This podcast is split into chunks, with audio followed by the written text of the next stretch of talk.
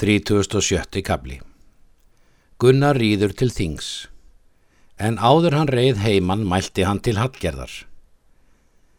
Verð þú dæl meðan ég er heimann og sín af þér enga fárskapi þar sem við vini mína er um að eiga.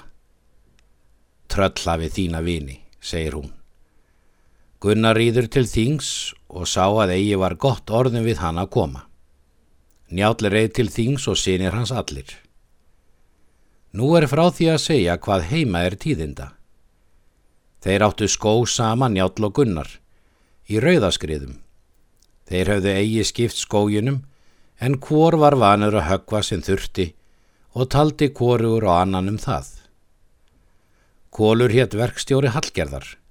Hann hafi verið með henni lengi og var hið mesta ílmenni. Svartur hétt maður, hann var húskarl Njáls og Bergþóru og líkaði þeim við hann vel. Bergþóra mælti við hann að hann skildi fari í rauðskriður og höggva skó, en ég mun fá til menn að draga heim viðinn. Hann hvaðst vinnamundu það er hún legði fyrir hann. Hann fór upp í rauðaskriður, trekkur hann þar og höggur skó og skildi þar að vera viku. Snauður menn koma til hlýðarenda austan frá markarfljóti og sögða svartur hefði verið í rauðaskriðum og höggvi skó og gert mikið að. Svo mun Bergþóra til ætla, segir Hallgerður, að ræna mig mörgu en því skal ég ráða hann höggvi eigi oftar. Rannveig heyrði móðir Gunnars og mælti. Þó hafa húsregur þótt góðar austur hér að ekki hafi stað í mannráðum. Nú leiða af nóttin og um morgunin kom Hallgerður að máli við kól og mælti. Verk hef ég þér hugað og fekk honum öksi. Far þú í rauðaskriður, þar mun þú finna svart. Hvað skal ég honum, segir hann. Spyr þú að því, segir hún, þar sem þú ertið mesta ílmenni. Drepa skalt þú hann, segir hún. Gert mun ég það geta, segir hann, en það er þó líkast að ég gefi mig við. Vekst þér kvettvetn í augu, segir hún, og fer þér illa þar sem ég hef mælt eftir þér hvern hlut. Mun ég fá til annan mann að gera þetta ef þú þórir eigi? Hann tók auksina og var reyður mjög og tekur hestir gunnar átti og rýður þar til að hann kemur austur að markarfljóti. Hann steg þar að baki og beigði í skójunum, þar til er þeir höfðu borðu ofan viðinn og svartur var einn eftir. Leipur kólur þó að honum og mælti. Fleiri munu kunnað höggva stort en þú einn og setti öksin í höfuð honum og hjó hann bana högg og rýður heim síðan og segir hallgerði víð. Njót heill handa, segir hún, og skal ég þig svo varðveita að þig skal ekki saka. Vera má það, segir hann, en hinn veg dreymdi mig þó áður en ég vó víð. Nú koma þeir upp í skógin og finna svart vegin og flytja hann heim. Hallgerður sendi mann til þings að segja Gunnar í víð. Gunnar Hallmælti Hallgerði ekki um fyrir sendimanninum og vissum en eigi hvort honum þótti vel eða ítla. Littlu síðar stóð hann upp og bað menn sína ganga með sér. Þeir gerðu svo og fóru til búðar njáls. Gunnar sendi mann eftir njáli og bað hann út koma. Njál gekk út þegar og gengu þeir Gunnar og tal. Gunnar mælti. Víg hef ég að segja þér og hefur valdið haldgerður kona mín en vegið hefur kólur verkstjóri minn en fyrir hefur orði svartur húskarð þinn. Njál þagði meðan Gunnar sagði söguna. Þá mælti Njál. Þurfa mynd þú að láta hana í öllu framkoma. Gunnar mælti. Sjálfur skalt þú dæma. Njálmælti.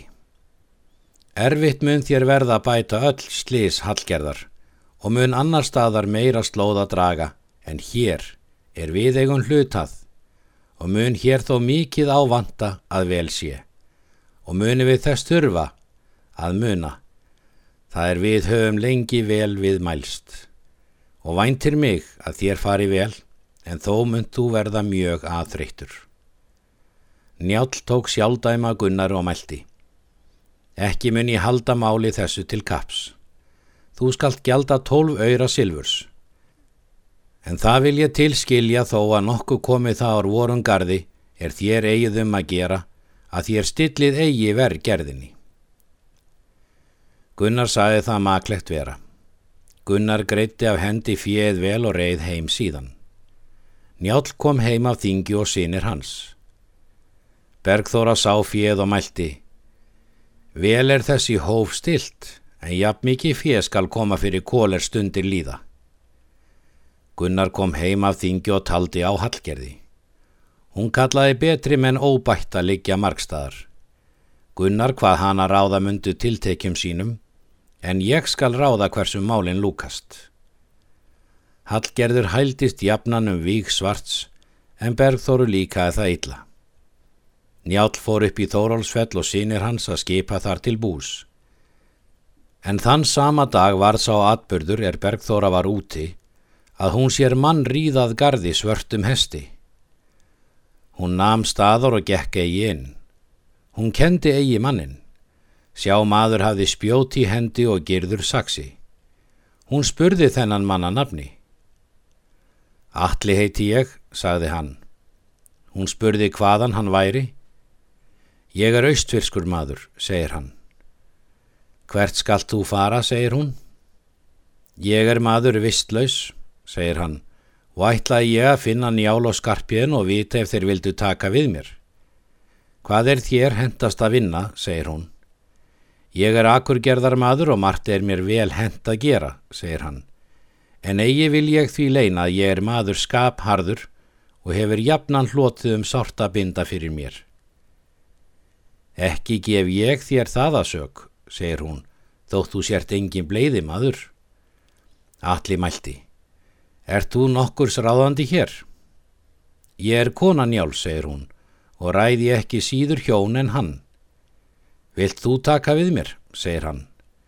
Gera mun ég kost á því, segir hún, ef þú vilt vinna allt það er ég legg fyrir þig og svo þó að ég vil ég senda þig til mannráða.